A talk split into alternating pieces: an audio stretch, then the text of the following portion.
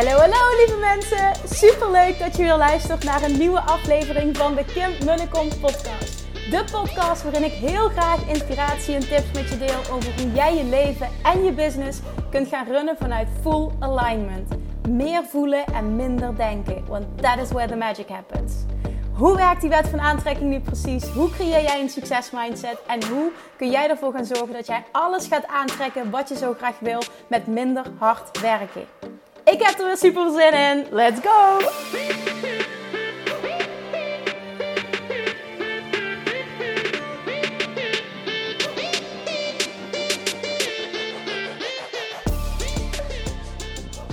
Hey, hey, chatjes, lievertjes, toffertjes. Tof dat je er bent. Het is maandag. Ik hoop dat je een heel erg lekker weekend hebt gehad. Ik, uh, ik wandel op de berg. Misschien kun je het horen. Het is windstil, dus je hebt waarschijnlijk weinig last van het achtergrondgeluid. En ik uh, ben even na aan het genieten op dit moment van een, uh, een super fijn gesprek. Een room op Clubhouse uh, die ik net heb ge gehad met Nina Veugelers van Business Moms Nederland. En we hadden een room namelijk over ondernemerschap en moederschap. Of ondernemen en moederschap en hoe dan. En daar kwamen zoveel reacties op af. Er waren zoveel luisteraars. En zoveel mensen met een vraag en een aanvulling. En het was voor mij echt uh, overdonderend. Echt in positieve zin dat er zoveel interesse is. En dat daar ja, nou, ik zei tegen Nina, we moeten dit vaker doen. Want dit is dus blijkbaar een topic waar, waar heel veel mensen iets over willen delen. Um, maar vooral ook over willen vragen van, goh, hè, ik struggle hiermee en, en hoe doen jullie dit? En niets is goed of fout, maar vaak heb je wat aan het advies van een ander. Of bevestigt het wat je eigenlijk al wist. En dan is dat even wat je nodig hebt. En dat is ook helemaal oké. Nou, in deze podcast wil ik uh, een aantal inzichten met je delen. Die ik uh, kreeg naar aanleiding van, van die room. We starten met het uh, delen van ja, onze ervaringen. En daarin vertelde ik ook heel kort nogmaals mijn verhaal. Dat ik heel bang was. ja, ik vind het altijd lastig om dit te zeggen, omdat het een beetje een taboe is. Ik was heel bang, zelfs tijdens de zwangerschap nog, dat het ten koste zou gaan van mijn bedrijf um, als ik mama zou worden. En dat heeft dus gemaakt dat ik ook ja, best wel lang. Um, zijn vriend, mijn, mijn vriend, die wilde al veel langer kinderen. En ik heb dat heel erg tegengehouden. En dat kwam doordat die angst zo groot was. Nou, uiteindelijk uh, met hem daar toch afspraken over gemaakt. En ik wist ook wel, ik groeide daar vast in. En ik zag voorbeelden van mensen die dat konden combineren. Dus ik wist dat het bestond. En toch ergens bleef dat zo'n beetje hangen van, goh, kan ik dat dan wel? En ik weet, ik, teach altijd van, goh, dat je een, een voorbeeld ziet, dan, dan, dan bestaat het dus. En mag je alleen uitvogelen hoe voor jou. En dat is absoluut waar. Ik denk gewoon dat ik, dat ik op dat moment uh, ja, op weg was daar naartoe. Nou, gewoon eventjes om open kaart te spelen. En... Um, toen deelde ik dus ook vanaf het moment, eigenlijk letterlijk vanaf het moment dat Julian geboren is, dat dat gewoon 180 graden geshift is. En ik, ik wist dus ook gewoon niet dat dit gevoel van liefde en ja, letterlijk onvoorwaardelijke liefde bestaat. En die kracht die je voelt in jezelf als moeder. Ik, ik, ja, nogmaals, ik, ik, moeders herkennen dit. Als je geen moeder bent, dan heb je geen idee. Dan, dan, dan hoor je de woorden, maar voel je er niks bij. Tenminste, zo was het voor mij van tevoren ook. Maar er gebeurt zoiets met je dat, dat het gewoon überhaupt, voor mij in ieder geval acuut, geen issue meer was. Op het moment dat hij geboren was, de eerste dag al, hoe ga ik dit ooit combineren? Het was gewoon compleet weg. Door dat gevoel van ongelooflijk alignment. Um, nou ja, dat deelde ik dus. En vervolgens ook dat ik gewoon de eerste drie, vier maanden uh, zwangerschapsverlof heb gehad. En ook volledig uh, die, die overgave. Nou, vervolgens ben ik weer begonnen met werken. Toen heb ik in het begin wel een beetje gestruggeld van oké, ga ik het allemaal doen? Ik heb minder tijd. Maar ik had niet echt wat aangepast aan mijn uh, werkzaamheden en efficiëntie. Dus er moest wel wat veranderen. Ik was er gewoon echt even een hele tijd uit geweest. En dat is oké. Ik gaf mezelf ook de tijd om een nieuwe weg te vinden. Ook om een nieuwe ochtendroutine te creëren. En gewoon te kijken, oké, hoe kan ik dit nu optimaal combineren? Want ik vind het heel belangrijk dat um, als ik uh, er voor Julian ben Dus in de avonden, voordat tot hij naar bed gaat. Uh, op, op dinsdag heb ik mamadag en in het weekend. Dan wil ik er ook echt voor hem zijn. En dan is het niet half-half mama is met werk bezig. Dat, dat wil ik gewoon niet. Dat wilde ik niet. En dat doe ik dus ook niet. Maar dat betekent dus wel dat ik gewoon eventjes mijn draai moest vinden opnieuw. Nou, daar heb ik mezelf de tijd voor gegeven en wat geëxperimenteerd. En ik kan zeggen, op dit moment hè, lukt dat echt heel erg goed. Nu is het wel zo dat ik nu in de ontwikkeling van Money Mindset Mastery mezelf tegen ben gekomen. Dat ik dingen op dezelfde manier heb aangepakt als vorig jaar. toen ik Love Attraction Mastery ontwikkelde. En uh, nou ja, dat was gewoon niet zo'n slimme zet, omdat ik nu een dag minder heb en ook minder uren uh, per dag. Dus waar ik eerst uh, zeker 40 uur per week werkte, is het nu 4 dagen 7 uur. Dus dat is, zo zeg zo'n 28, 28 uur per week. En, en ja, ik, het lukt me dus nu wat minder goed om uh, uh, alles. ik krijg alles op tijd af, maar het is niet meer zo relaxed als het vorige week was. Dus dat was voor mij een leerproces. Uh, de volgende keer, als ik nog een keer een training ontwikkel, pak ik dat anders aan. Dan ga ik namelijk één week extra speling creëren voor mezelf. Zodat het, als, als Julian een keer ziek is of wat dan ook, of iets lukt niet, of er is iets met mij, dat ik niet zo qua tijd in, in de knoop kom. Dus dat was gewoon even een leerproces. Maar ook dat is oké, hè. Um, nou ja, goed. Dus we hebben, we hebben onze verhalen gedeeld. Vervolgens kwamen er allemaal vragen. En uit die vragen kan ik eigenlijk een. En natuurlijk kwamen ook heel veel opmerkingen. Wil ik een, een samenvatting pakken nu. Want wat mij op is gevallen, is dat er een aantal dingen heel belangrijk zijn om deze combinatie ultiem te laten werken. En dan heb ik het niet alleen over de combinatie uh, een succesvol bedrijf opbouwen, runnen, laten groeien en mama zijn. En, echt een, een, fijne mama zijn. Dat je, dat je tevreden bent over hoe je mama bent. Maar ook gewoon dat stukje me-time. Ik ben nog vriendin of vrouw. Ik, ik, ja, ik heb, ik heb mijn, mijn eigen ontwikkeling. Dat is voor mij ook heel belangrijk. En een key point daarin, en dat kwam heel sterk terug uit de vragen en ook uit eh, de aanvullingen en ervaringen van, van moeders die dit al gemasterd hebben, dat prioriteiten stellen echt key is. Dat is ook mijn ervaring. Want um, voor veel mensen lijkt het alsof ik alles doe en alles goed doe. Maar er zijn gewoon een aantal dingen die ik heel weinig aandacht geef, heel weinig prioriteit geef. Um, en, en, dat is bijvoorbeeld um, het huishouden. Uh, ik ben niet iemand. Het is, geen, uh, geen zooi bij ons of zo, dat is het helemaal niet. Maar dat is niet elke dag tip-top in orde, omdat ik dat niet belangrijk vind. Niet belangrijk genoeg. Ik vind andere dingen belangrijker. Dat is even iets wat nu uh, in me opkomt. Uh, heel veel tijd besteden aan mezelf of mezelf klaarmaken. Of weet je, dat, dat doe ik dus ook allemaal niet. En uh, dat wil niet zeggen dat ik als een sloddervos rondloop. Heel veel mensen zeggen wel, waarom doe jij je haar nooit? Nou, ik doe mijn haar wel, alleen ziet het eruit of dat ik mijn haar nooit doe.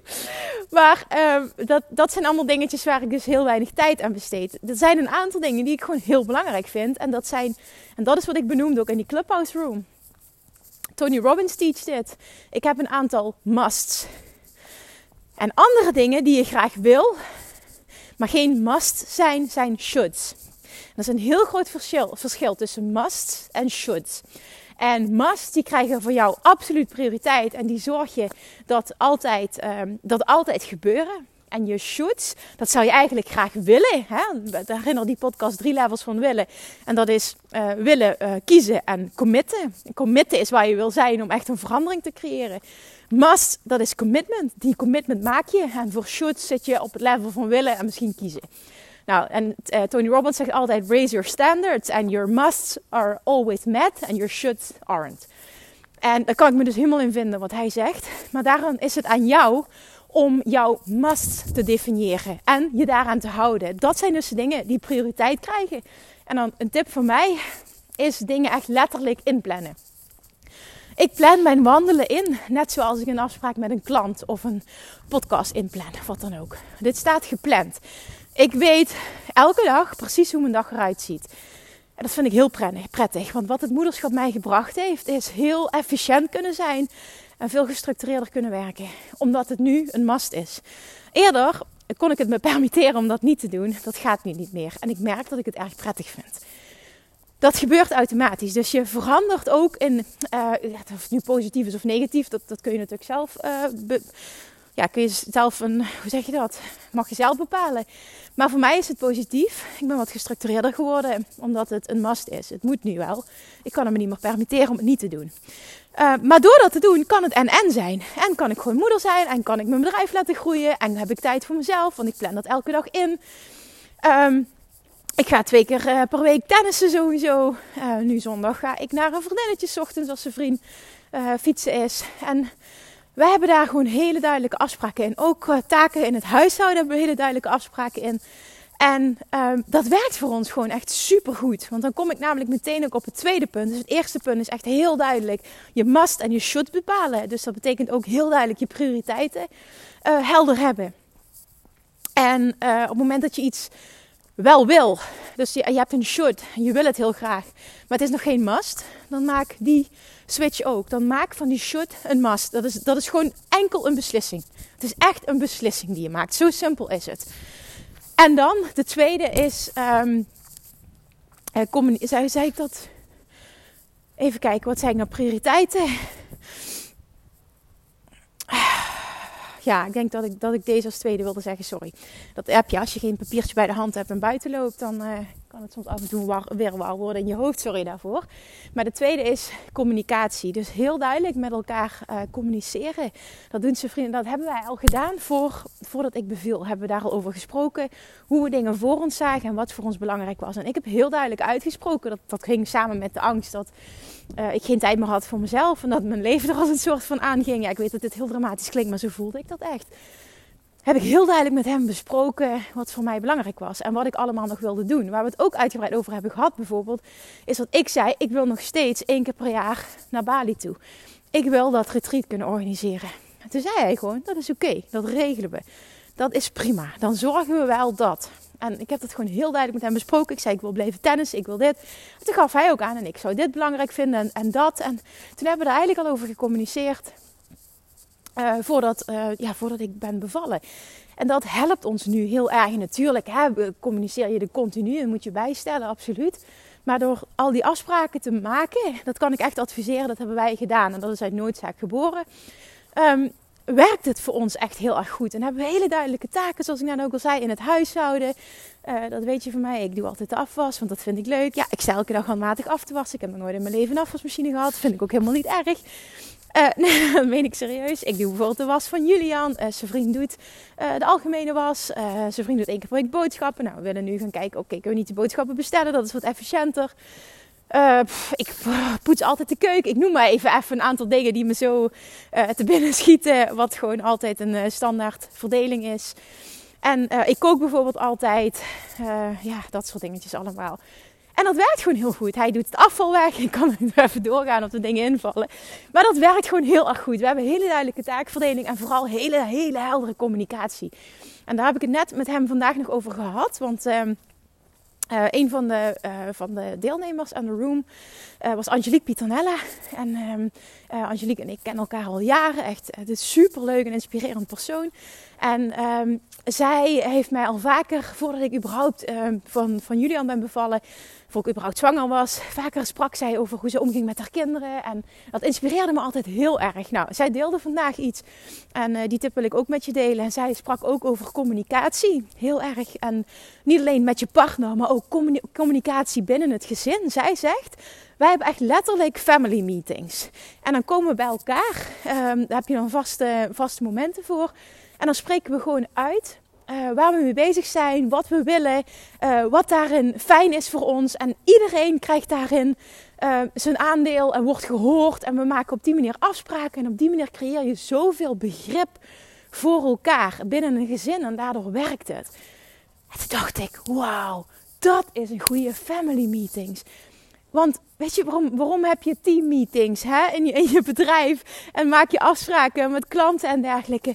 Maar dit, de gezin is hetzelfde. Dus ik vond dat super waardevol dat Angelique dat deelde. En um, toen besprak ik dat met zijn vriend daarna, na de clubasroom. Ik zeg, goh, ik heb net wat waardevols gehoord.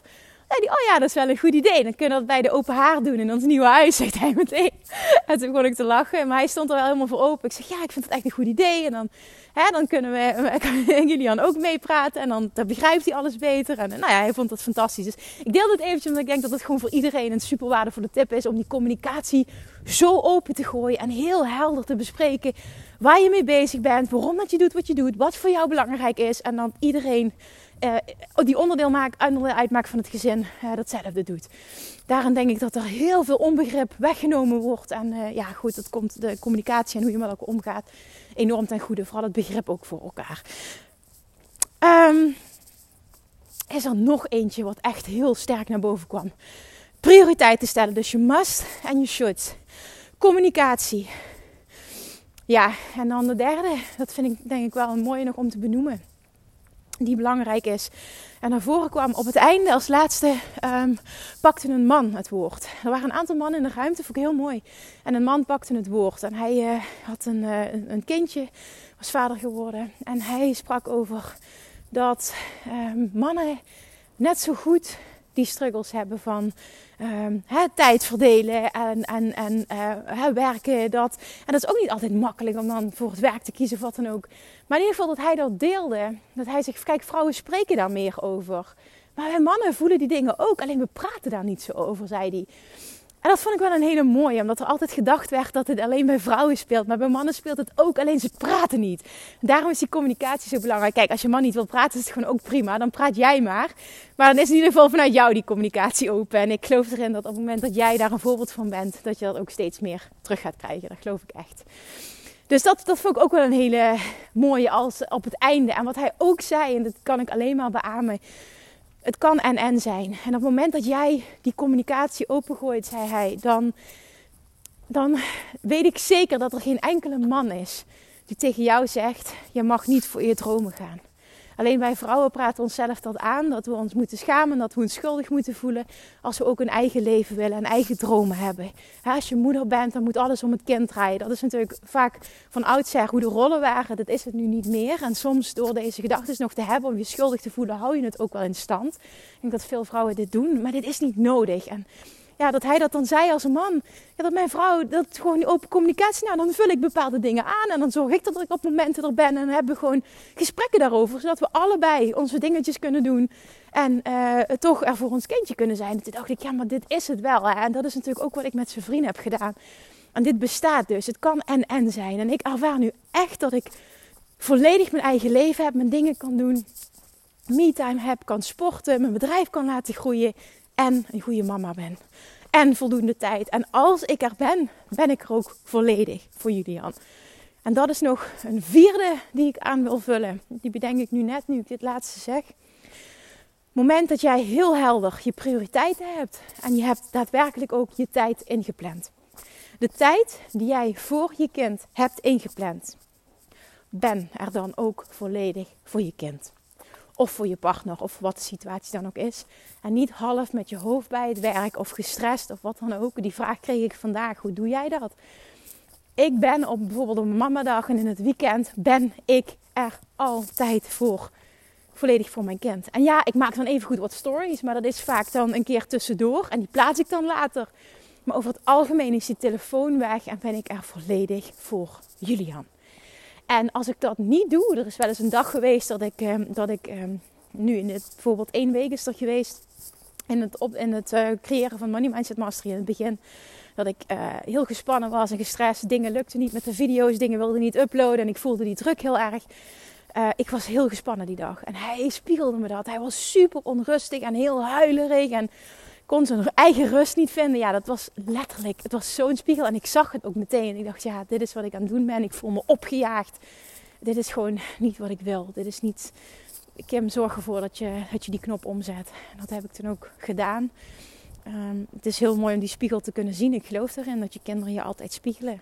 En over het algemeen is Julian echt een heel erg relaxed en happy, happy mannetje. Dus dat vind ik ook heel mooi. Maar doe dat. Maak echt de tijd dat je aan het werk bent. Ben je aan het werk? Dat heb ik dus ook. Als ik aan het werk ben, ben ik echt full focus aan het werk. Ben ik ondernemer. Maar in het weekend ben ik mama en partner. En levensgenieter. En dan ga ik even goed voor mezelf tennissen. Dat is er absoluut ook. En op de terugweg neem ik een podcast op. Zodat verder niemand uh, daar tussen haakjes last van heeft. En op die manier werkt het gewoon heel erg goed. Of misschien op zondagochtend gaat zijn vriend altijd fietsen. Nou, dan gaat Julian even slapen. Als ik dan wat voor mezelf wil doen, dan doe ik dat. En als het een podcast opnemen is, dan doe ik dat. En dat is helemaal oké. Maar in het weekend, als hij wakker is en als zijn vriend er is, zijn wij samen. Doe dat ook echt. Leg die telefoon weg. En het is echt quality time voor elkaar. En jij met je kinderen. Ik geloof erin dat dat super belangrijk is. En een mooie tip uh, die ook nog iemand gaf. Uh, Saskia was het volgens mij. Die zei uh, wat ik altijd doe, is heel helder communiceren naar mijn kinderen toe. Dat um, mama komt nu eventjes heel leuk met jou spelen. Alleen maar met jou spelen. Mama komt nu alleen met jou spelen. En dan moet ik zo meteen, of, dan ga ik zo meteen nog even werken. En ze zegt, als je heel duidelijk dat aan je kinderen aangeeft, dan creëer je ook begrip. Dan zitten ze niet de tijd aan je te trekken van mama, mama, mama. Nee, dan zeg je heel duidelijk, we gaan nu, mama gaat nu alleen met jou spelen. En zo meteen gaat mama nog even werken. En door het te communiceren, door zo duidelijk en open te zijn, accepteren ze dat ook. Krijg je begrip en gaan ze daarna lekker zelf spelen. Probeer dat eens. En ik, ik geloof daar heel erg in. Mijn zoontje is pas negen maanden nu dat ik dit opneem. Maar ik vind die tips super waardevol. Ik sta daar heel erg voor open. Ik ben ook heel bewust bezig. Um, um, wat dat betreft met opvoeden en de taalgebruik. Uh, dus de woorden die ik gebruik. En ook hoe ik de, de wereld die ik hem wil laten zien voor wat er mogelijk is. Hoe de wet van aantrekking werkt. En oh, dat je kunt manifesteren en dat het niet zo hoeft te zijn. Je gaat naar school en je krijgt een baan in loondienst. Hè, zoals het over het algemeen geteacht wordt. Niet dat daar iets mis mee is, maar ik wil hem ook een andere wereld laten zien. En ja, daar ben ik gewoon heel dankbaar voor dat ik, dat, dat ik dit heb nu in mijn leven gecreëerd. En dat ik hem dit kan laten zien. En dat hij volledig de keuze mag maken wat voor hem goed voelt. Maar dat hij wel heel sterk voelt vanaf het begin af aan al. Als hij heel klein is. Ik kan alles bereiken wat ik wil. En dat wil ik echt als moeder alleen maar voeden.